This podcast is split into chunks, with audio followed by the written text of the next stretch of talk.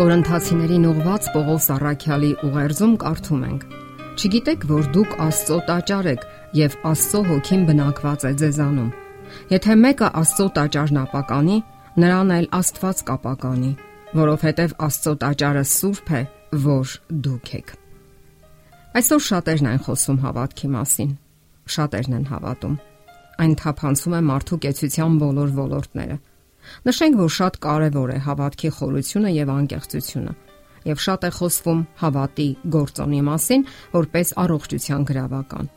Վերջին հետազոտություններն օրինակ բավականին ուշագրավ արդյունքներ են բացահայտել։ Դրանք հաստատում են, որ կրոնական համոզմունքները եւ Աստծո հանդեպ հավատը շատ դրական ազդեցություն ունեն անznավորության հոգեբանական վիճակի եւ ֆիզիկական առողջության վրա։ Դա հաստատում են ուսումնասիրությունները։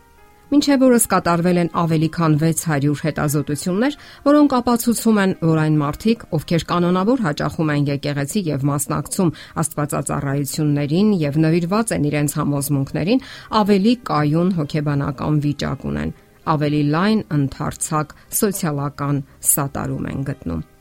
Նույնիսկ նկատվել է, որ այդ մարդիկ ավելի են հակված հետևելու առողջ կենսաձևի սկզբունքներին։ Երբ հավատացյալները կյանքի են կոչում իրենց համոզմունքները, դա նպաստում է նրանց ֆիզիկական վիճակի բարելավմանը։ Այսինքն նրանք ավելի քիչ են բժշկի հաճախում, ավելի քիչ օրեր են գտնվում հիվանդանոցում, ավելի քիչ գումարներ են ծախսում առողջությունը վերականգնելու համար եւ օրգանիզմի ընդհանուր դիմադրողականության ավելի բարձր գործակից ունեն։ Օրինակ այսպիսի հետաքրքիր փաստեր են հայտնաբերվել։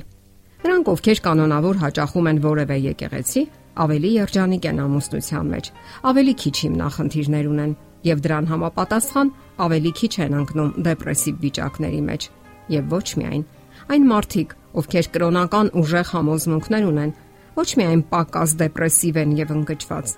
Նաև 70%-ով ավելի արագ են վերականգնվում, կարգավորում իրենց հոգեկան վիճակը դեպրեսիայից հետո։ Հայտնի փաստ է նաև, որ հավատացյալ մարդիկ ավելի քիչ են վնաս հասցնում իրենց առողջությանը։ Աստվածաշնչում օրինակ Աստված հորդորում է իր ժողովրդին, որ չօգտագործեն ալկոհոլային խմիչքներ առողջությունը պահպանելու համար։ Հավատավոր մարդիկ հասկանալի պատճառներով չեն օգտագործում ոչ միայն ալկոհոլային խմիչքներ, այլ նաև թմրանյութեր, ծխախոտ եւ այլն։ Այն մարդիկ, ովքեր հաճախում են Աստվածածառայությունների, ուսումնասիրում են Աստվածաշունչը եւ աղոթում, 40%-ով ավելի քիչ են հակված արյան ճնշման բարձրացման եւ հետեւաբար ավելի քիչ են հակված ինսուլտին։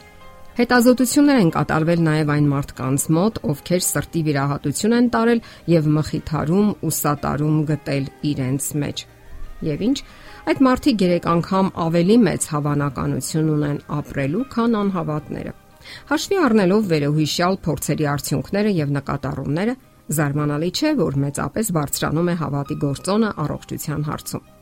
Եվ դա թույլ է տալիս արցանագրելու, որ կանոնավոր երկրպագության հաճախող մարդկանց մոտ մահվան հավանականությունը 20-ից 30%-ով ցածր է այն մարդկանց համեմատ, ովքեր եկեղեցի չեն հաճախում։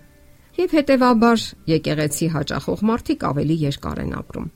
Գրող Ռոբերտ Համերը հայտնում է, որ շաբաթական առնվազն 1 անգամ երկրպագության հաճախող սևամորտ ամերիկացիները 14 տարի ավելի երկար են ապրել, քան նրանք, ովքեր ընդհանրապես եկեղեցի չեն հաճախել։ Իսկ ահա սևամորտ ամերիկացիները, ովքեր հաճախել են եկեղեցի, 7 տարով ավելի երկար են ապրել չհաճախողներից։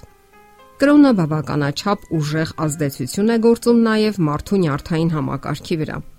Այն սթրեսի հաղթահարման հիմնական եղանակներից մեկն է եւ վերացնում կանխում է նրա բացասական ազդեցությունը իմունային համակարգի վրա։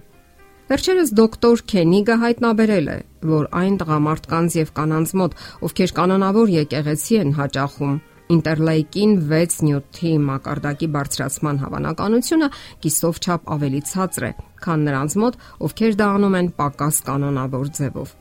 Նշենք նաև, որ այդ ինտերլեյկին 6 նյութը թուլացած իմունային համակարգի ցուցիչ է։ Իսկ Կալիֆոռնիայում գտնվող Սթենֆորդի համալսարանում անցկացված ուսումնասիրությունները ցույց են տվել, որ կրոնի հետ անմիջական մասնակցություն ունեցող մարդկանց մոտ դրական են եղել թե արյան սպիտակ բջիջների արկայությունը, թե օրգանիզմում գտնվող այլ բնական պաշտպանական բջիջներ։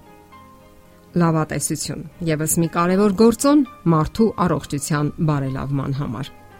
Արժե նշել նաև կրոնական համոզմունքների դրական ազդեցությունը մարդու լավատեսության վրա։ Ահա եւս մի կարևոր գործոն մարդու առողջության բարելավման համար։ Լավատեսությունը օգնում է դրական հայացքով նայելու կյանքին, հատկապես այն դեպքում, երբ արկա են դժվարություններ, հիմնախնդիրներ, տառապանքներ, որոնք լուրջ ցավ են պատճառում մեզ։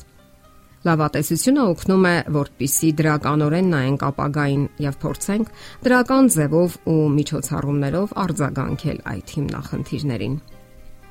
Այս բոլորից կարող են գեզրակացնել, որ հավատը ապրեցնում է։ Եկեղեցի հաճախելն ունի նաև թերապևտիկ ազդեցություն։ Մեկ այլ մասնագետ դոկտոր Բենսոնը նշում է, որ Աստվածածառայությունը լի է պոտենցիալ թերապևտիկ տարրերով, ինչպիսիք են երաժշտությունը, աղոթքը, ծեսերը, շեղումը, թեկուզ ժամանակավոր անջատվելը առօրյա հոգսերից եւ հիմնախնդիրներից, լարվածությունից։